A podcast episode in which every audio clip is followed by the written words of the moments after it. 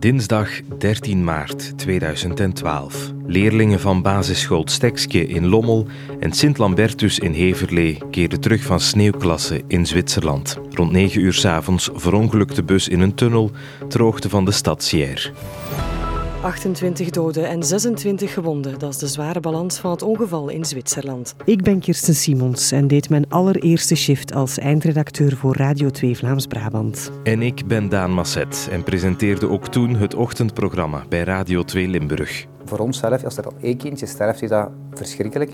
En als je dan in één keer zoiets te horen krijgt, dan zijn daar gewoon geen woorden voor. Hè. Dat kan je bijna niet verwoorden tegen andere mensen. In deze podcast praten we met enkele mensen die het drama van dichtbij meemaakten. Had dat onze dochter geweest, ik zou niet weten wat doen. Dat is iets dat, dat u nederig maakt ook. Mensen die geraakt zijn, maar die zich ook verbonden voelen. Als er zoiets ernstig gebeurt, ja, dan staat iedereen klaar. Mensen die het verdriet van Sierre voor altijd meedragen. Het was echt het falen van de wereld van de volwassenen.